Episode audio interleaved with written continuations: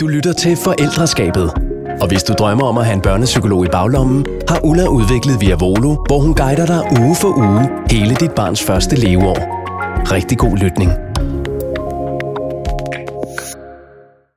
Ja, men velkommen til dig, Line Jensen. Jeg er simpelthen super glad for, at du har lyst til at komme og være med her i forældreskabet. Normalt deler du jo ud af dine hjemlige ting og øh, hverdagslivets øh, tumult og hvad der ellers er gode ting i hverdagslivet derhjemme på, øh, på Instagram. Men øh, nu skal du få lov til at tale lidt om det også, og det er jeg rigtig glad for. Jeg laver lige sådan en præsentation af dig, så, øh, og hvis der så er noget undervejs, du tænker, ej, der glemt hun skulle noget vigtigt, eller der var noget, der var helt, øh, hun har fået galt i halsen, så skal du altså endelig bare sige til. Men du hedder Line Jensen, du er 45 år gammel, Mm-hmm. Du er uddannet grafisk designer fra den grafiske højskole i København. Og så har jeg skrevet også, at øh, du tegner, fordi det, det er, er du jo. Øhm, så er du netop dagbogstegner på Instagram, hvor du tegner om hverdagen, hverdagen og hverdagslivet omkring, altså med, omkring din mand og dine børn. Mm. Øhm, så er du forfatter. Du øh, skrev i 2017, hver dag starter det forfra, som handler om barselsårlov med to små børn og en teenager og en mand, der er musiker. Så du har været, jeg tænker, der ligger i det, at du har været ret meget alene. Mm. Øh, og så har du skrevet det store regnestykke i 19 om at vende tilbage til arbejdslivet og med parforhold, og så det at have få selvtillid nok til at skrive en bog mm. øh, i det. Så i 2018, der vandt du Pingprisen for årets debut. Mm. Ja. Og øh, så har du været faktisk nomineret til Pingprisens nettegneserie, både i 18, 19 ja. og 20. 20. Og, og nu. Ja. Og nu også. Ja, det ja. er mega flot. Det er vildt. Ja. Øh, og så har jeg altså også lige skrevet, at øh, jeg betragter dig lidt som glødende feminist, men det ved jeg ikke, om er rigtigt.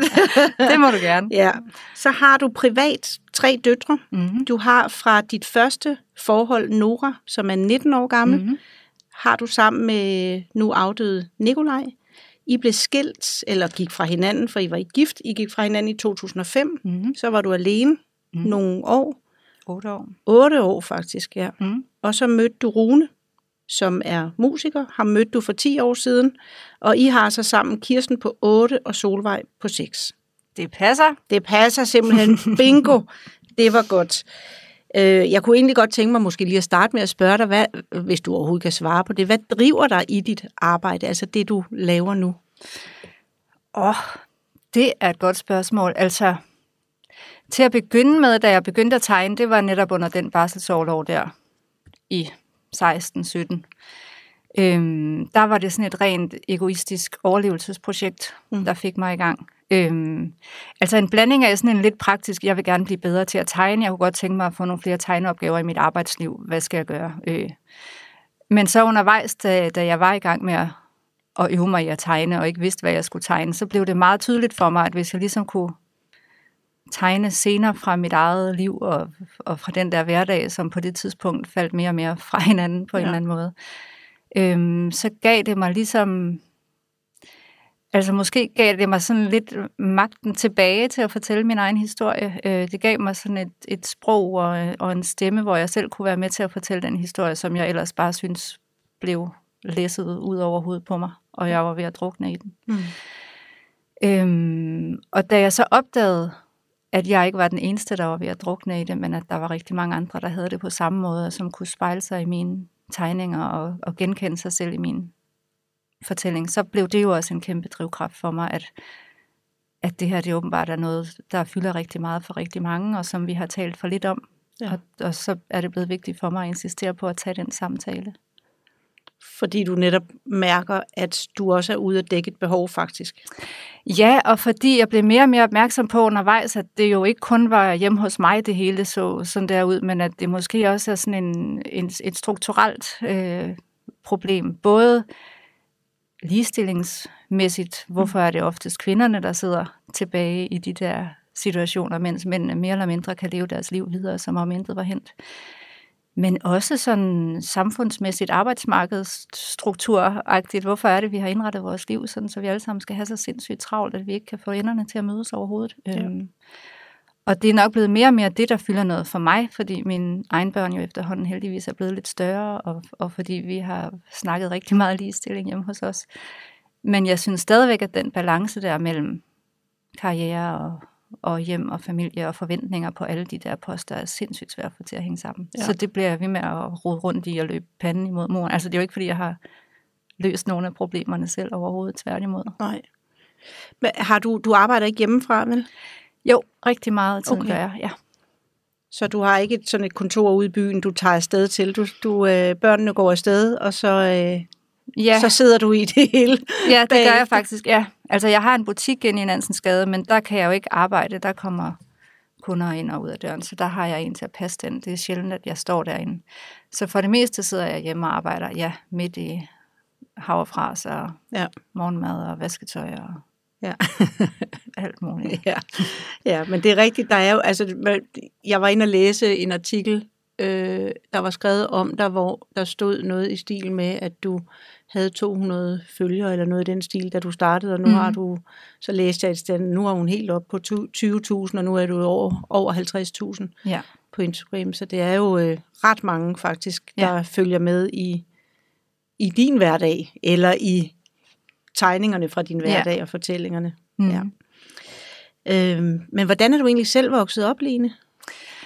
Jeg er vokset op i Aarhus øhm, med to gymnasielærerforældre. Øhm, så har jeg en storebror. Og vi flyttede i sådan et bofællesskab, da jeg var fire. Så vi havde sådan en ja, lidt udvidet familie der er flere. Vi var fem familier, der boede sammen. Øhm, jeg tror, at mine forældre, de var sådan ret optaget af deres egen ting. Det tror jeg måske også var meget almindeligt. Det var der i, i slutningen af 70'erne, start 80'erne. Øh, så jeg husker det, som om jeg passede mig selv rigtig meget, og havde det rigtig godt med det. Mm. Vi boede lige op til en stor skov, Marcelisborg skov, hvor jeg rendte rundt og legede Ronja Røverdatter, så tit jeg kunne komme til det. ja. øhm, alene, og synes det var fedt. Og så gik jeg på en skole ind i byen, hvor jeg selv tog bussen frem og tilbage fra første klasse, og øhm, havde mange eventyr på den der tur fra skolen hen til bussen på vej hjem sammen med min veninde, der skulle med samme bus, så kunne vi da godt finde på at bruge nogle timer i en baggård eller en parkeringsplads et eller andet sted. Ja. I stedet øhm, for at tage i øhm, skole? Nej, i stedet for at tage hjem. Nå, okay. Trods alt. Ja, okay. ja. jeg gik heller ikke på fritidshjem eller noget, så jeg havde rigtig meget tid for mig selv. Mm. Og det øhm. husker du som en god ting? Det husker jeg helt klart som en god ting. Mm. Øhm, så blev mine forældre skilt, da jeg var 10-11 år, og jeg boede alene med min mor de der teenageår. Øhm, der kan det godt ske, at jeg måske havde lidt for meget tid for mig selv. Mm. Men øhm, ja, stadig. Jeg har også altid haft gode veninder og venner og været glad for at gå i skole. Og, altså så på mange måder tror jeg, jeg har haft det meget nemt. Ja. Og da de blev skilt, var du så altid hos din mor, eller blev du sådan et barn, der var hos både mor og far? Jeg var hos min far, men det var sådan noget hver anden weekend og en dag om ugen, eller ja. et eller andet. Og min far fik en ny familie på det tidspunkt, ikke nye børn, men han fik en kone, der havde børn i forvejen. Og så fik han også noget nyt arbejde, som krævede rigtig, rigtig meget. Så jeg oplevede i ret høj grad, at min far sådan forsvandt lidt mm. i den periode og savnede ham rigtig meget. Ja. Og er, har, fandt I ligesom sammen igen? Ja, vi har fundet sammen igen, og faktisk mærkeligt nok, men i høj grad i, i kraft af mine tegninger her de sidste par år, som han har fulgt rigtig meget med i, og sådan er begyndt at involvere sig meget i mit liv, efter det er blevet sådan en historie, han kan analysere på som ja. gymnasielærer. Ja, nå, dejligt. så førte det faktisk det med sig også. Ja. ja. Og øhm, hvad, gik du selv i gymnasiet? Ja. Og så øh, flyttede du hjemmefra på et eller andet tidspunkt der? Så eller flyttede, flyttede jeg til Italien efter øh, studentereksamen og boede der i et år i Firenze. Og oh, så, øh, ja, det var fantastisk. Og så tog jeg hjem, fordi så skulle man på universitetet. Altså der var sådan en helt klar forventning om, skal i gymnasiet, så skal du på universitetet. Det var fint nok med et fjummerår, det var allerede der ja. sådan lidt moderne. Men så hjem og i gang, ikke? Ja. Øhm, og der kan jeg huske, at jeg sad og kiggede på universitetet og var sådan noget, hmm, altså jeg har ingen idé om, hvad jeg skal med noget af det der, men det, sådan, det mest kreative, jeg kunne forestille mig, det var at læse kunsthistorie. Mm. Fordi der havde man en times praktisk kreativt arbejde om ugen. Ja. Øhm, så det læste jeg i to år, men altså, det var jo ikke, jeg, jeg havde det ikke så godt der. Nej. Det var ikke lige mig. Og egentlig synes jeg, at faget var sindssygt spændende, og Mm. er sindssygt spændende. Men den der form med at sidde alene hjemme og læse otte timer om dagen, og komme til forelæsninger fire timer om ugen, og når man spurgte de andre, om ikke man skulle drikke øl, så sagde jeg, at vi skal hjem og læse, og vi siger ikke, hvad for nogle bøger vi læser, fordi så læser du dem også, og vi skal have højere karakter. Altså det var Ja. sådan meget den stemning, synes jeg, der var. Øhm, og så var det faktisk, øh, fordi jeg mødte Nikolaj der, min datters far, mm. i festugen i Aarhus, Ja. øhm, i 97 eller 98, at jeg sådan for første gang mødte nogle mennesker, der levede på en helt anden måde. Han var musiker allerede på det tidspunkt, Mm. selvom der var vi jo 20-21 år gamle, og, og spillede i byen med et band, og de var bare sindssygt sjove og kloge, og øh, ja, levede på en helt anden måde, og var meget mere sådan, jamen, hvorfor gør du det der, hvis du ikke har lyst? Og ja. vi lever på den her måde, og det har vi gjort, siden vi var 16, og øh, Så åbnede sig så en ny verden. Ja, et helt nyt sådan, perspektiv på, Mm. Gud, kan man også nogle gange bare gøre noget, der er sjovt, Mm. eller noget, vælge efter noget, man har lyst til. Ja. Og så øh, gik jeg ud af universitetet og startede på Kunsthøjskole, Krabbesholm i Skive, og, og gik der et halvt år, inden jeg flyttede til København. Okay, så du var et par 20, da du flyttede til København. Ja, jeg ja. tror, jeg var 23 eller sådan noget, ja. Og hvor gammel var du så, da, da du skulle have dit første barn, Nora? Jamen, der var jeg jo 25, da jeg blev gravid, og lige blevet 26, da hun blev født.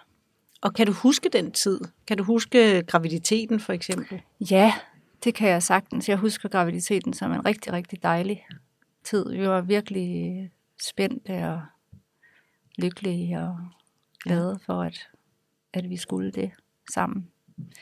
Vi vidste godt, det var lidt tidligt, eller vi, vi følte, at vi var, det var tidligt, fordi vi var sådan nogle af de første i vores bekendtskabskreds, der fik børn, men vi var også sådan meget øh, sikre på, at det var det, vi skulle nu. Nu havde vi været sammen i fire år. Hmm. Haft Var der- det rigtig sjovt. Var, var der noget, du sådan var, be, var bekymret for, eller, eller var det bare sådan, du tænkte, det bliver bare fantastisk? Jeg tror faktisk mest, jeg tænkte, det bliver bare fantastisk. Mm. Øhm, jeg tror også, at vi havde sådan en meget klar idé om, øhm, Nikolaj og mig, at vi ikke skulle have barn på den der måde, hvor vi skulle ud og have en villa i forstaden og en hund og en bil og et 8-4 arbejde. Det var der jo ikke nogen af os, der havde. Vi var sådan meget øh, bevidste om, at vi ville have en familie på en anden måde, og vi drømte om at flytte til New York og prøve at bo der nogle år, og så skulle barnet bare med, og Mm-hmm. han skulle spille musik, og jeg skulle være grafisk designer, og vi skulle være sådan nogle kreative, selvstændige, nogen, der bare havde børn med i vores liv. Ja. Og, og hvordan vil du så beskrive, det gik? Altså kan du øh, ikke, ikke sådan det hele, men hvordan var det, da hun så kom? Altså stemte de tanker, øh, der havde været, stemte de overens med den virkelighed, der så kom? Nej, det gjorde det jo desværre ikke. Altså den første tid var rigtig dejlig stadigvæk. Der var en lang periode, hvor det var altså den der sådan umiddelbare forelskelse i babyen og i familien, og altså fra os begge to. Men det blev meget hurtigt meget svært for os at få det der familieliv til at hænge sammen, og Nikolaj var rigtig meget væk. Øh, så jeg, jeg oplevede nok meget, at, at det der med, at vi bare skulle blive ved med at leve vores liv videre, det var meget ham, der levede sit liv videre, Mm. og mit liv var ret meget slut. Fordi at øh, jeg kunne jo ikke komme nogen steder lige pludselig. Jeg var alene med barnet fire dage om ugen, og Mm. kendte ikke andre, der havde børn. Og, og samtidig havde vi ikke rigtig nogen penge, så vi kunne ikke øh, altså købe os til hjælp, eller fornødenheder. Altså, vi kunne heller ikke købe en mikroovn. Eller, altså, jeg kan huske, der var flere sådan ting, hvor jeg tænkte, hvis vi bare havde Ja. et skab, eller hvis vi bare havde... Men det var sådan ligesom, alting var bare... Ja, det, det faldt sådan ret meget fra hinanden i den periode. Og vi havde også rigtig svært ved at nå hinanden i det. Mm. Og det var nok i virkeligheden det værste, fordi det andet er jo mere praktiske problemer. Ja. Øhm, så jeg tror også, det var svært for Nikolaj at komme hjem, og så at, at forstå, at jeg var ked af det og sur, og forventede, at han skulle alt muligt, som han ikke kunne leve op til. Og ret hurtigt blev det sådan, at så var det nemmere for ham at blive væk. Okay. Og så blev han mere og mere væk Mm. i de perioder, hvor han burde være hjemme, ja. synes jeg. Ikke? Og hvem havde du? Jamen, når jeg tænker tilbage på det, så synes jeg nok ikke, jeg havde så mange... Øhm, jeg havde nogle rigtig gode veninder, men de stod nok også sådan lidt magtesløse og så til, fordi at de, for det første kunne de jo ikke helt sætte sig ind i, hvad det gik ud på, for der var ikke nogen af dem, der havde børn. Mm. Øh, ret hurtigt synes de nok også, at min kæreste var lidt en idiot. Øhm, og det kunne jeg ikke rigtig bruge til noget, så derfor fortalte jeg dem nok også mindre og mindre. Øhm, så havde jeg en mødergruppe, som betød rigtig meget for mig, fordi det så ligesom var dem, jeg havde, der boede rundt om hjørnet, som havde børn. Mm. Men de havde alle sammen nogle meget stabile parforhold, og helt klart også nogle andre, altså standarder for, hvordan det der liv kørte. Så ret hurtigt begyndte jeg også at måle mig rigtig meget med dem. At, Mm. Altså, jeg kan huske, der var en, der havde en mand, der var skolelærer, som skulle på koloni på et tidspunkt, hvor han skulle være væk tre dage. Og det var sådan, det blev talt om i ugevis op til de der tre dage, hvor ham der, han skulle være væk. Og så heldigvis havde han altså også lavet mad til dem alle sammen i fryseren og lagt de små mundrette portioner, Ja. så hun kunne klare det de der dage. Ikke? Mm. Og jeg var bare, altså, altså jeg, jeg turde jo ikke at sige det, at hjemme hos os var der altså ikke nogen, der lavede noget til fryseren, når de var væk Mm. fire dage om ugen. Nej, og ved, det tænkte du nok ikke over dengang, men ved du nu, om det sådan var, fordi det var skamfuldt eller pinligt, eller hvad, hvad var I, hvad, ved du, hvad der var grunden til, at du ikke Jamen, turde jeg sige det? følte det nok helt klart som skamfuldt. Altså, jeg følte, at, at det var os, der ikke kunne leve op til at være familie på den måde, man skulle være familie. Ja. Øhm, og, jeg, og jeg kæmpede rigtig, rigtig længe for at få det til at se ud, som om, at vi var en familie. Øhm, og ja, altså, og senere er jeg nok sådan lidt mere, at jeg kæmpede måske også lidt for længe, fordi mm. det var ret tydeligt, at det var ligesom kun mig, der kæmpede den kamp. Der var ikke så meget øh, at komme efter på den anden side. Nej. Og samtidig er jeg også blevet mere og mere overbevist om, at, at Nikolaj han heller ikke havde det spor nemt i det, og måske i virkeligheden også havde haft brug for noget hjælp. Mm. Øh, ja, fordi han var jo ikke ond. Nej, nej. Blev det en lettelse så for dig, øh, eller det at sige det for hurtigt, i forhold til, at da I blev skilt? Hvordan, øh, hvordan ændrede Det var, tingene det var en der? rigtig stor lettelse at blive skilt, men det var også fordi, at der havde det ligesom været så dårligt i rigtig, rigtig lang tid. Altså jeg tror, at den skilsmisse var nok undervejs i de to år. Øh, jeg tror, min, jeg tror, Nora var to og et halvt, da vi gik fra hinanden, og i de sidste to år havde vi været ved at blive skilt. Ja.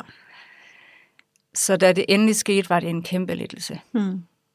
Men, øh, men de to år der var noget af det værste, jeg har været med til. Ja, og nu sagde du, du holdt, det tro- har jeg hørt fra mange, øh, har også selv oplevet det, det her med at holde op med at fortælle det, fordi at så begynder veninderne eller vennerne at synes, at manden er en, en, ja. Ja. en kæmpe idiot, og du skal da bare gå væk, og Ja. Øhm, alle de her op- og nedture kan være svære for folk udefra at ja. Se på, uden der ligesom, at ja. Man agerer. Ja, præcis. Øh, hvad kunne man ellers, eller hvem kunne ellers have hjulpet, øh, hvis man ligesom skulle forestille sig, at der sidder nogen lige nu og lytter med? Havde du overhovedet kræfterne til at række ud til nogen som helst? jeg prøvede faktisk nogle gange. Øhm, jeg kan huske, at jeg prøvede at gå ind til sådan nogle øh, gratis rådgivning på Ingehavevej en dag. Mm. Hvor jeg, det havde jeg gået forbi det der skilt rigtig mange gange, hvor der stod gratis psykologisk rådgivning, og man kunne også få parterapi derinde, og så prøvede jeg at gå derind. Og, der, og det var en frygtelig oplevelse. Altså, og der, jeg tror måske også, jeg kan ikke huske, om det var den ene eller den anden gang, men vi havde bestilt et eller andet, vi skulle komme derind sammen og snakke med nogen, og så kom han ikke. Så jeg sad ligesom alene til det der parterapi.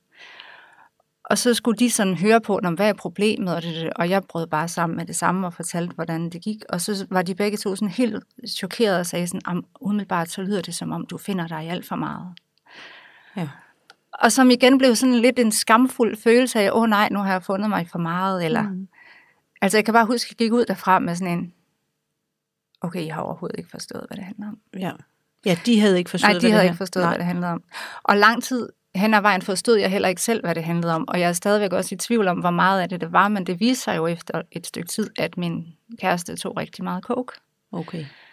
Og at det helt klart har spillet ind på, og hvad der så kommer først. Vi havde det dårligt, han tog coke. Vi fik det dårligt, fordi han tog coke. Altså, Mm. øhm, men det var i hvert fald sådan en lang periode, hvor jeg ikke vidste, hvad det handlede om, og hvor jeg ikke forstod, hvad der foregik for øjnene af mig. Ja. Og, øh, og da det ligesom gik op for mig, at det måske også havde noget med det at gøre, var det på en eller anden måde allerede for sent. Ja.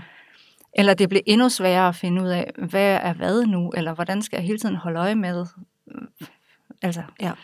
Og der blev bare alt for mange af sådan nogle, om jeg lover, at jeg kommer hjem. Jamen, kommer du så hjem? Ja, det gør jeg. Jamen, det gør jeg ikke. Eller, altså, ja. Og så holde øje med, om han var påvirket og ikke påvirket. ja, hvordan har han det nu, og hvordan reagerer han nu, og hvad så, hvis jeg siger det på denne måde her måde, så kan det være, at han ikke bliver nær så sur, eller så kan det være, at han forstår det. Eller, Mm. Altså, jeg har brugt alle mine kræfter på at prøve at regne ud, hvordan jeg kunne få os videre derfra.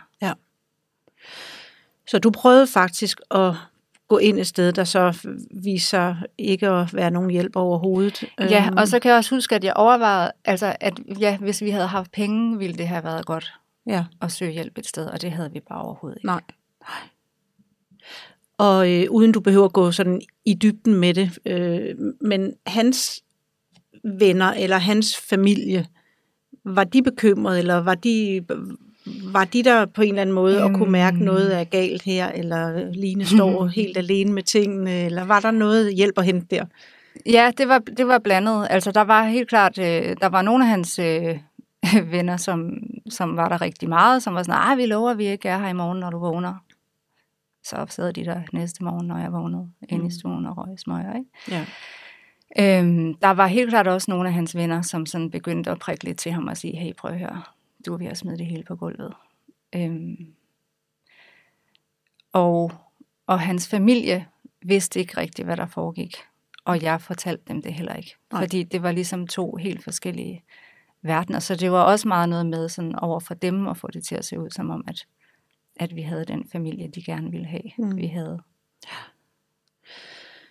Øh, det kan nok være svært for dig at svare på, men jeg spørger alligevel. Øh, nu har du i hvert fald fået nogle børn senere hen øh, i, i et andet forhold. Hvor, hvor meget øh, tror du, det påvirkede dit forældreskab altså det, og din relation til Nora der i starten, at du havde det på den måde? Jamen, jeg kan da ikke lade være med at tænke på, at det har påvirket mig meget. Øhm, måske både på godt og ondt. Altså selvfølgelig er det ikke rart at tænke på, at jeg har været så ked af det og underskudsagtig i meget af den tid, jeg har haft med hende som lille. Mm. Men jeg tror også, at, at det, at vi var så meget alene, og at jeg øh, meget hurtigt havde sådan en fornemmelse af, at det er, det er mig og dig, der skal klare det her sammen, Mm. har gjort, at ja, jeg har knyttet mig meget tæt til hende. Ja. Ja. Og, og altså, øh, er, taler, hvad, hvad husker hun? Skal- Jamen, hun husker jo intet fra den første tid der. Som sagt var hun to og et halvt, da vi gik fra hinanden. Og det, altså, det er jo super svært, at det er en, en periode, som har været så afgørende. Altså selvfølgelig for hende, uden at hun ved det. Mm. Øhm, men især for mig og, og for hendes far, ikke? Der, der er sket nogle meget vigtige ting i den periode, som jo også er svære at tale om, og som, og som også er svære at, at indvige hende i, fordi det er, jo ikke, øh, det er jo ikke nogen rare minder på den måde. Man har jo lyst til at dele gode Ja. ja. historier fra hendes første tid, og dem er der jo selvfølgelig også. Selvfølgelig har der også været gode ting, ikke? Mm. Øhm, men det er, ja, det er svært på den måde, fordi at, at det ikke er noget, vi har oplevet sammen, selvom vi var der begge to. Ja, ja. Men hun stiller formentlig en masse, oh, undskyld, hun stiller formentlig en masse spørgsmål, og Nej, jeg tror måske nogle gange, hun synes, jeg fortæller lidt mere, end hun har lyst til at Okay. høre. okay. Så det er jo også en balance, ikke? Ja. Hvor, hvornår skal man øh, fortælle? Altså, fordi nogle gange er det sådan, hvad, det har du da aldrig fortalt, og nogle gange er det sådan, øh, det der havde jeg ikke behøvet at få at vide. ja, ja, Så det, det er en svær balance. ja. Øh, kan du sige lidt om, hvad der så var det bedste ved at blive forældre? Fordi jeg øh, synes, jeg øh, ser på dig, jeg kan jo se dig og høre lidt igennem, dels at I havde, at det var, I fandt hurtigt ud af, eller du fandt ud af, at det var dig og Nora, der ligesom mm. Mhm. skulle klare det her. Så jeg fornemmer i hvert fald nogle, noget godt også mm. I det Jamen, forældreskab. Og hvad, ja. Hvad var det bedste for dig ved at blive forældre? Øhm, jamen i virkeligheden, så oplevede jeg meget hurtigt og umiddelbart den der uendelige kærlighed til mit barn. Ja. øh, som jeg jo ved ikke nødvendigvis kommer naturligt med det samme, men for mig gjorde den det. Mm. Øhm, altså, jeg følte mig bare som det heldigste menneske i hele verden, at jeg havde fået lige præcis det barn der, fordi ja. hun var bare fuldstændig perfekt og vidunderlig og nuttet. Og, Ja. altså, alle måtte jo kunne se det, når jeg kom gående med hende på gaden, at hun Ja, var... at det var det, Det var det her vidunderlige barn, ja. ja. ja. altså sådan havde jeg det virkelig. ja. Øhm, så det, altså den følelse stod også meget stærkt, ikke? Jo. Det var ikke, det var ikke hende, der var noget i vejen med. Det var mere min egen sådan, utilstrækkelighed i forhold til at kunne være der for hende. Ja, det er jo virkelig også interessant og frygteligt, at du, du kalder det min egen utilstrækkelighed. Fordi, men det er jo den følelse, det var. Ja, Fordi det var jo netop i et samspil, altså det var jo netop øh, andre ting, der foregik ja. også. Så det er jo forfærdeligt, at man ender med at give sig selv ligesom, øh, ansvaret for det. Men øh, det ved jeg jo godt, man gør. Det er også derfor, det var godt, at, at du kom ud af det, ja, vil jeg sige. det må man sige. Ja. Øhm, nu har du på en måde jo så to forældreskaber, synes jeg, fordi du så, øh, ligesom jeg øh, også selv har, har fået børn med mere end en mand, og så, øh, så er det jo ligesom et, en form for et nyt forældreskab. Mhm. Øh, og efter du faktisk også har været, dels har du været alene otte år Ja. med Nora, og så kommer der jo en bonusfar, eller hvad I nu øh, mm. kalder det, ind over, så der, der kommer den komplikation af det i hvert fald øh, tit, øh, at der kommer en, en anden forælder ind, som ikke er forældre, og så får I så faktisk også nogle børn sammen. Ja. Kunne du, øh, kan du beskrive lidt for mig øh, øh, det forældreskab, der så kom med de to Ja, øh, børn, I nu er sammen om? ja. Øhm, jamen jeg, jeg ser det egentlig også selv meget sådan som to forskellige forældreskaber, både øh, fordi omstændighederne omkring var meget forskellige, men også fordi jeg selv var to forskellige mennesker, tror jeg, mm. eller i hvert fald to helt forskellige steder i mit liv. Da jeg blev mor for anden og, og tredje gang, der var jeg jo selvfølgelig for det første blevet meget ældre. Øhm, og så var jeg mor i forvejen. Det hjalp selvfølgelig også. Mm.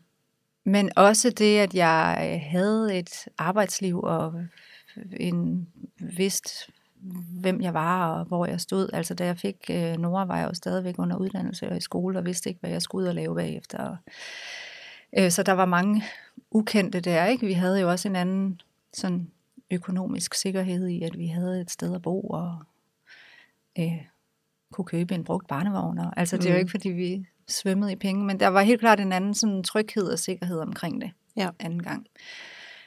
Og så øh, Rune var jo også ældre, og selvom han var musiker, og der egentlig var ret mange ting, der gik igen, for eksempel var han jo også væk 4-5 dage om ugen. Ja. du har noget med musikere simpelthen. Ja, der er noget, ja, der er et tema. Øhm, og min mor sagde, du vidste jo, hvad du gik ind til, hver gang jeg brokkede mig, fordi jeg havde jo prøvet det før, og det, det var jo også rigtigt nok. Øh, Det er det, der hedder en meget irriterende kommentar. Ja, ja. sindssygt irriterende. øhm, og, og det bliver jo ved med at være svært. Altså det, det bliver ved med at volde problemer, at vi har sådan en familie, der, der hænger sammen på den måde. Øhm, men jo, to ting.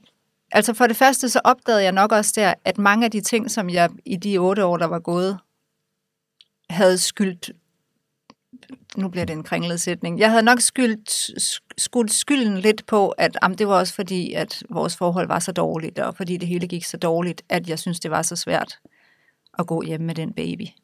Altså først, øh, Første gang. Første gang, ja. Ja, så min historie havde ligesom været den tid, der bare skulle være den bedste i mit liv. Det var meningen, at jeg skulle have gået hjemme på barsel og nyt det, og bagt boller og strikket, ja. og Så, haft det så dejligt, så dejligt, men det fik jeg ikke, fordi det gik så dårligt for os. Der opdagede jeg så anden gang, hvor vi egentlig havde det fint nok, Rune og mig, at jeg virkelig ikke trives med at gå hjem ja. med en baby i et år. Altså, jeg synes, det var frygteligt. Ja. Øhm, Så så, jeg fik heller ikke også lidt... mange øh, boller der? Nej, der blev ikke bagt mange boller. Det blev i hvert fald kun de der koldhævede, der bare bliver slasket op i raseri. Øhm, nej, altså, så jeg fik også en lille smule perspektiv måske på, hvad der var sket tidligere. Mm. Øh, og også lidt større forståelse for, hvad, hvad Nikolajs rolle i det havde været. Altså, hvor svært det også netop kunne have været for ham, og hvad der kunne have været på spil. Altså, det, det var, øh, jeg tror bare, det var en ulykkelig situation for alle. Ja. Og så, øh, ja, så oplevede jeg jo der med, med Kirsten, at jeg var lige så ked af det faktisk nærmest, når, når Rune kom hjem, og han var lige så uforstående overfor, jamen hvorfor reagerer du sådan der? Altså jeg troede, det var alle kvinders største drøm at gå på barsel, kom ja. han jo til at sige til mig på et tidspunkt. Ikke? Ja. øhm, og der, altså jeg blev rasende der, kan jeg huske. Jeg blev også sådan skamfuld, sådan, åh oh nej, ja, det burde være min største drøm. Men fordi jeg også havde prøvet det før, og kendt mange flere veninder, der havde været på barsel, kendt mange flere mødre, så var jeg også bare sådan, hvad fanden bilder du dig ind? Ja. og sige det der, du ved intet om, hvordan det var på barsel. Du har ikke snakket med nogle kvinder, der har været på barsel. Hvad ved du om, hvad der er nogle kvinders største drøm, og hvad har det af relevans, at alle kvinder har en eller anden drøm, hvis jeg har det dårligt? Altså, øhm, så jeg havde sådan mere pondus til at svare igen. Mm-hmm. Øhm, fordi jeg var et andet sted i mit liv ja. og i mit moderskab. Ikke? Så det blev mere sådan en øh, ja, ongoing diskussion på den måde, end at jeg bare vendte ind af og skammede mig over det. Og, ja. Øhm, Ja, fordi du var jo så igen på barsel øh, med Så skulle to. jeg så på barsel igen med Solvej der, nummer tre, og det var så der, øh, at jeg begyndte at tegne, ikke? Jo, øhm, der fandt du en ventil. ja, det ja. gjorde jeg virkelig. Mm. Altså, og der var jo også meget opsparet stof, kan man sige, at, at, at jeg tror måske først, jeg kunne begynde at, at tegne de der ting, fordi jeg havde ja, prøvet det flere gange før, og vidste, at okay, lige nu er det sådan her, men det går også over igen. Mm. Altså fordi første gang, allerførste gang med Nora, der tænkte jeg jo seriøst, at det her er mit liv fra nu af. Altså ja. mit liv er slut. Ja. Jeg kommer til at sidde her hjemme for evigt, og aldrig komme ud, ikke? Ja. Og den følelse kan man jo godt få også anden gang, men man ved, at det går over. Mm. Og tredje gang ved man det endnu mere. Men tredje gang havde jeg så den lille finte, at jeg øh, ikke kunne gå, fordi der var sket et eller andet med min fod i forbindelse med graviditeten og bagefter, som jeg stadigvæk ikke ved, hvad var. Men det første halve år Solvejs liv kunne jeg ikke støtte på foden. Oh, ej. Og det gjorde det bare sådan ekstra øh, kompliceret at være alene hjemme med et spædbarn og en toårig mm. og en 13-årig fire dage om ugen, ja. når jeg ikke kunne gå. Altså jeg kunne ikke aflevere Kirsten i dagpleje, som lå tre huse væk. Altså der kom dagplejemorgen og hentede hende om morgenen og afleverede hende igen, og, fordi jeg kunne ikke øh, bevæge mig. Så Nå. jeg kravlede rundt Ej, på gulvet med baby. Også hårdt, altså. Så det var overlevelse, altså det var ren overlevelse. Ja. Og det var ligesom der, i det rum, jeg begyndte at tegne. Og jeg kom jo ikke øh, ud med barnevognen, og jeg kom ikke øh, i mødergruppe, og jeg kom ikke noget som helst. Men jeg, jeg fandt ligesom... Øh, øh, ja, kontakt til omverdenen ved at, at sidde og pipe hjem fra sofaen i mit arme hjørne om, i dag skete der det her, ja. i dag havde jeg det sådan her, i dag. Ja, så for dig var sociale medier virkelig, virkelig godt. Ja, det var det. Ja. Det blev virkelig og, sådan en livline. Ja, og jeg vil sige, du bruger det jo så også, øh, det bliver meget øh, normativt, du bruger det jo også meget godt, fordi du bruger det jo i hvert fald til at formidle netop de her svære ting. Og, ja. og at det er ikke sikkert, at alle kvinder, og det er helt sikkert, at det synes alle kvinder ikke, at det er dejligt at være på barsel. Og, og hvad er det egentlig? Hvis Præcis. det er dejligt, hvad er det så? Altså, ja. så ser man igen for sig, at det er nogen, der har været i bade og lagt make op og bare dufter godt og lavet hjemmebagte boller og syr deres eget faste, eller børnenes faste lavskostymer, ja. hvad det nu end er. Men det er jo ikke sikkert, hvad ligger der i det der med, at det kan de godt lide at være på barsel. Øh, jeg har i hvert fald haft flere herinde, som også har haft det rigtig svært med det. Blandt andet min partner i firmaet, som jo er børnepsykolog, og der ligger så en, endnu en værdiladning ovenpå, at ja. så skal man da virkelig, virkelig ja. synes, det er rart at være på barsel. Det har hun bare ikke synes, og hun har også tilladt sig at sige det højt. Og Lise Rønne var jo så også inde på det. Så jeg synes, du vælger jo så også at bruge det, ja. de sociale medier, til at formidle noget, vi ikke så ofte ser. Ja, øh. og som måske især på de sociale medier, i hvert fald da jeg startede, var sådan lidt en kontrast til netop mange af de andre historier, man bliver præsenteret mm. for. Ikke? Ja. Øhm, så ja, det prøver jeg også. Altså jeg vil sige, jeg har det også selv blandet med sociale medier, jeg har det også blandet med at være en del af det. Øhm, mm. Men jeg prøver ligesom at holde fast i at, at prøve at bruge det til noget positivt, og jeg har virkelig selv også fået rigtig meget positivt ud af det. Ja. Ja, det Også bare med bekendtskaber og kontakter til alle mulige viden om alt muligt. Altså man vælger jo i høj grad selv, ja. hvad for et feed man vil have. Mm. Men, øh, men selvfølgelig er der også dage, hvor jeg selv bare sidder og dødsskroller og bliver deprimeret over, at alle de andre kan alt muligt, som jeg ikke kan. Ja. altså det gør det jo desværre også. Ja, ja. det er ja. rigtigt. Øhm, Tror du, at man kan forberede sig på forældreskabet? Du skal lige have lov at tage en tår din kaffe. kaffe. Ja. Mm. Jeg tror da, man kan prøve at forberede sig på forældreskabet, men jeg tror, det er meget svært at forudse, hvordan man selv vil reagere i det. Mm. Altså jeg tror da også, jeg kender også flere, der har haft en forestilling om, at de ville elske at være på barsel, og så gjorde de det ikke alligevel. Måske mig selv inklusiv. Øhm, ja, og ligesom Nikolaj og mig, der havde en idé om, at vi bliver sådan nogle forældre, der skal være sådan og sådan, og så viste det sig, at det var vi måske ikke alligevel. Og jeg tror, det er svært at vide, hvordan man reagerer. Det kommer jo også meget ind på, hvad for et barn man får. Ja. Så det, det bedste, man kan gøre, er nok at være sådan lidt, nu må vi se, hvad der sker. Ja. Og så tage bestik ja. undervejs, ikke? Jo. Og så måske, altså man kunne måske godt, det er lige nu, jeg sidder og tænker, det øh, forberede sig på den måde, og det kunne måske være nogle andre, der skulle forberede en på det, altså fagpersoner.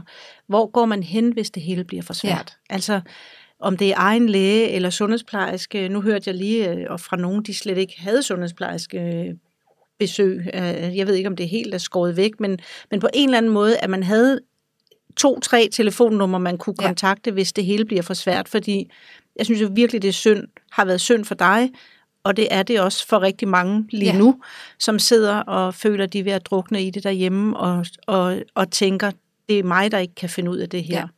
Ja. Øh, eller jeg kan ikke tale med mine venner, for de siger bare, at jeg skal forlade ham eller hende. Og Ja. altså det her med at Helt sikkert. sidde helt alene, Ja. og, øh, og så jo også skulle selvfølgelig være noget for sit barn, og det er folk jo også, det var du jo også, men det er mega anstrengende, og skal give gode ting i samspillet, og duddeludelut og lege, gøre alle de her ting, øh, som ikke bare er at skifte blæ og, og arme, men også at faktisk være på Ja. i, i samspillet, og så faktisk indeni have det rigtig skidt. Ja, jeg tror, det ville være en god idé med nogle telefonnumre. Jeg kan faktisk også huske, at jeg spurgte en sundhedsplejerske engang, der med Nora, om hvad, fordi hun spurgte om, hvad med dit underliv, og hvad med dit dit, og hvad med dit datter, et eller andet. Ja. Og så på vej ud af døren, så var jeg sådan lidt, hvad med ens parforhold? Og så Ja. stod jeg bare og hulkede i døren, og så var hun sådan lidt, åh, den har vi ikke lige tid til at tage nu, den tager vi næste gang. Og så blev der aldrig rigtig vendt tilbage til det. Nej. Men øhm, ja, altså der var flere sådan gange, hvor man hvor jeg måske godt kunne have ønsket, at der var nogen, der havde fulgt lidt op, og ikke nødvendigvis sagt, det skal jeg tage mig af, men sagt, prøv at høre, du skal ringe til dem her, eller gøre det her, Ja. eller... Ja, Ja, fordi selvfølgelig... Øh, fordi det kræver meget bare det, at, at bede om hjælp, ikke? Jo. Altså, Og, og man kan jo ikke gøre det, hvis man først er nået ud i krisen, nej. fordi så har man ikke noget overblik. Nej. Man har ikke, man er så ramt på frontallapperne, så man er ikke Præcis. i stand til, altså kommer det til at handle om at overleve.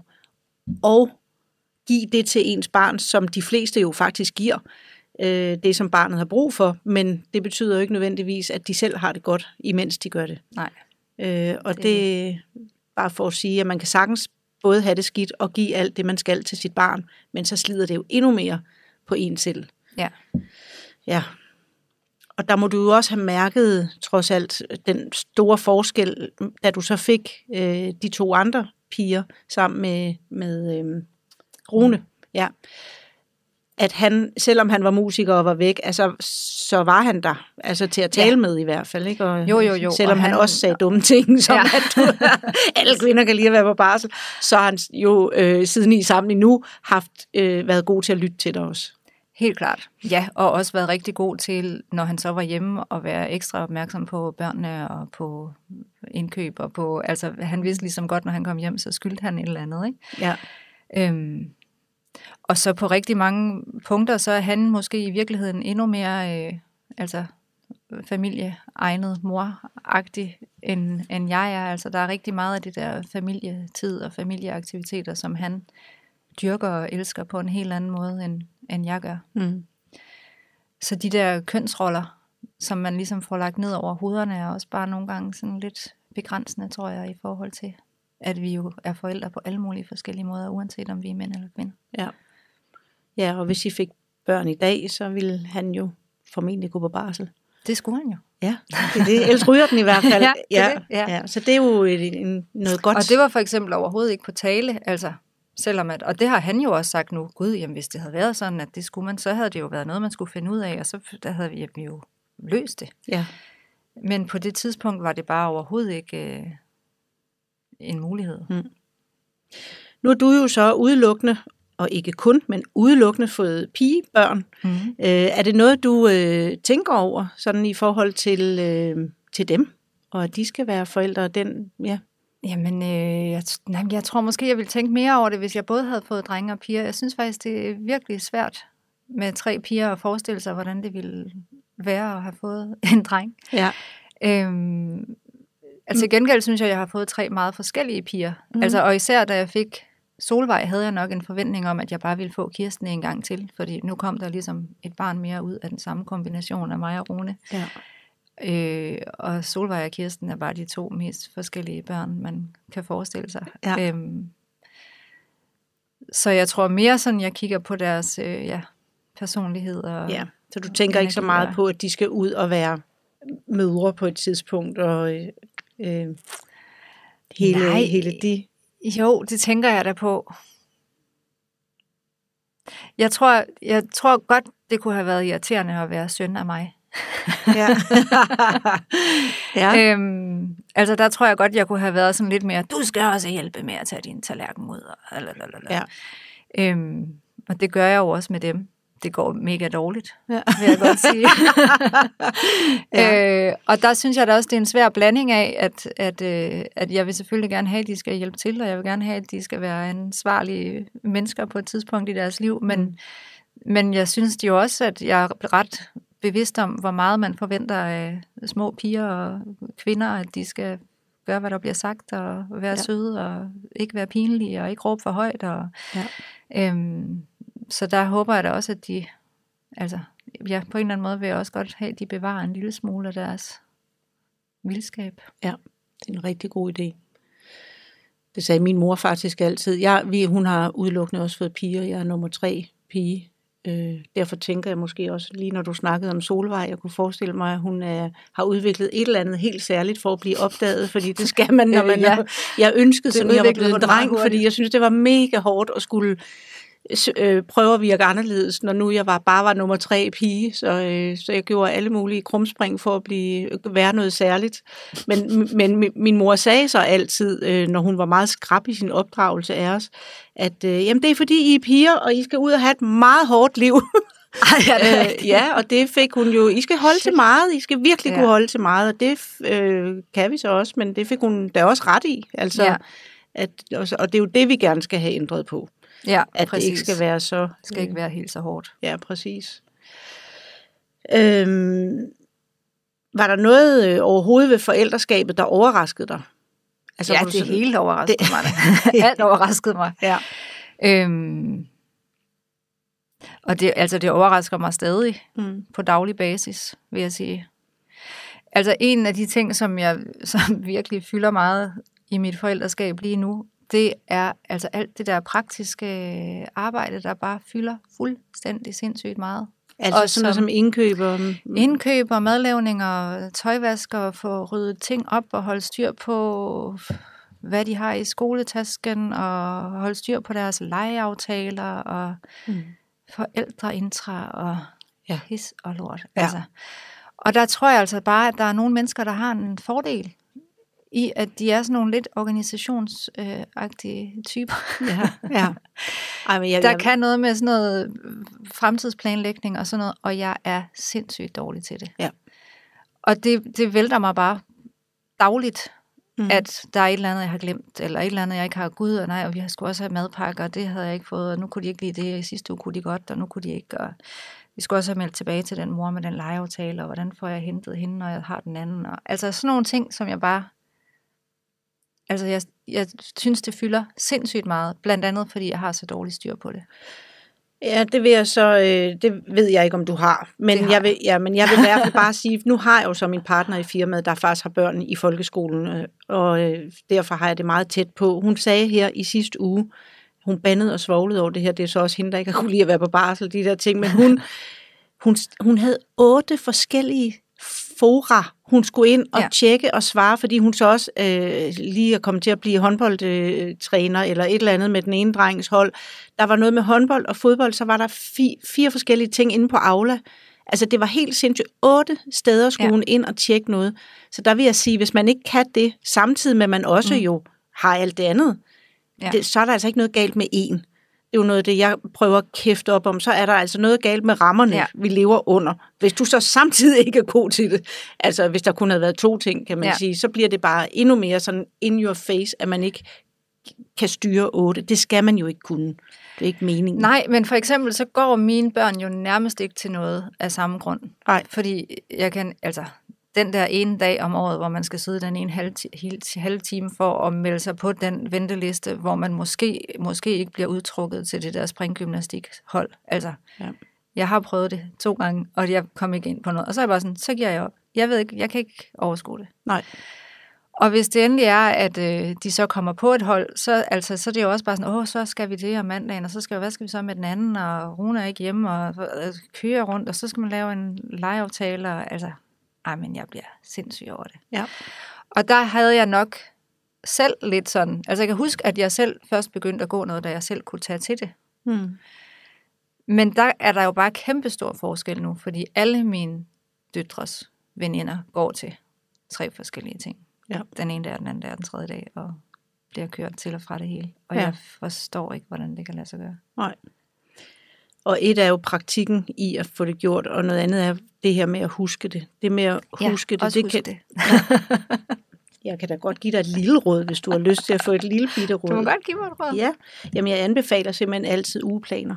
Øh, helt fuldstændig ligesom et gammeldags Mm. mm. skoleskema, bare som en familieplan. Ja. Og der er ikke pligter og alt sådan noget dødssygt på det, og der er udelukkende hele familiens navne, og så er der, hvem henter, hvem, hvem bringer, hvem skal til håndbold, eller tandlæge, eller psykolog, hvad man nu skal til. Ja. Det står en uge ad gangen, fordi det er præcis det, vi kan fra dine børns alder og Ja. op efter, så er det det, vi kan rumme. Så de her månedskalender, som nogen har, dem kan man, de er fine nok Ja. til fødselsdage og huske Præcis. det. Men ellers det er duer de ikke til en skid. Jamen, det duer ikke rigtigt til noget, fordi det kan du ikke have op i dit skrivebord i hjernen. Du Ej, kan lige præcis have en uge, Jeg skal have en og så, ja, præcis. Og så er det smarte nemlig, jeg har selv tre børn, og den yngste, det må jeg gerne sige, han har vanskeligheder, og har haft, øh, har haft mange vanskeligheder.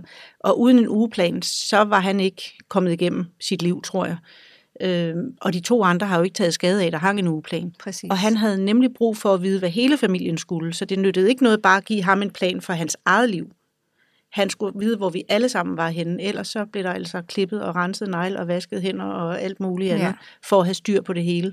Så en ugeplan er altså virkelig et kæmpe redskab til at både til øh, de børn, der har brug for det, men Og og også til de de, mødre, der har forældre, der har brug for det. Ja. Ja. Og der var nemlig en gang efter et foredrag, så var der en mor, der skrev til mig, tusind tak for rådet med den der ugeplan. Det har virkelig hjulpet på min mand. og det er jo også godt, hvis det så Ja. virker der.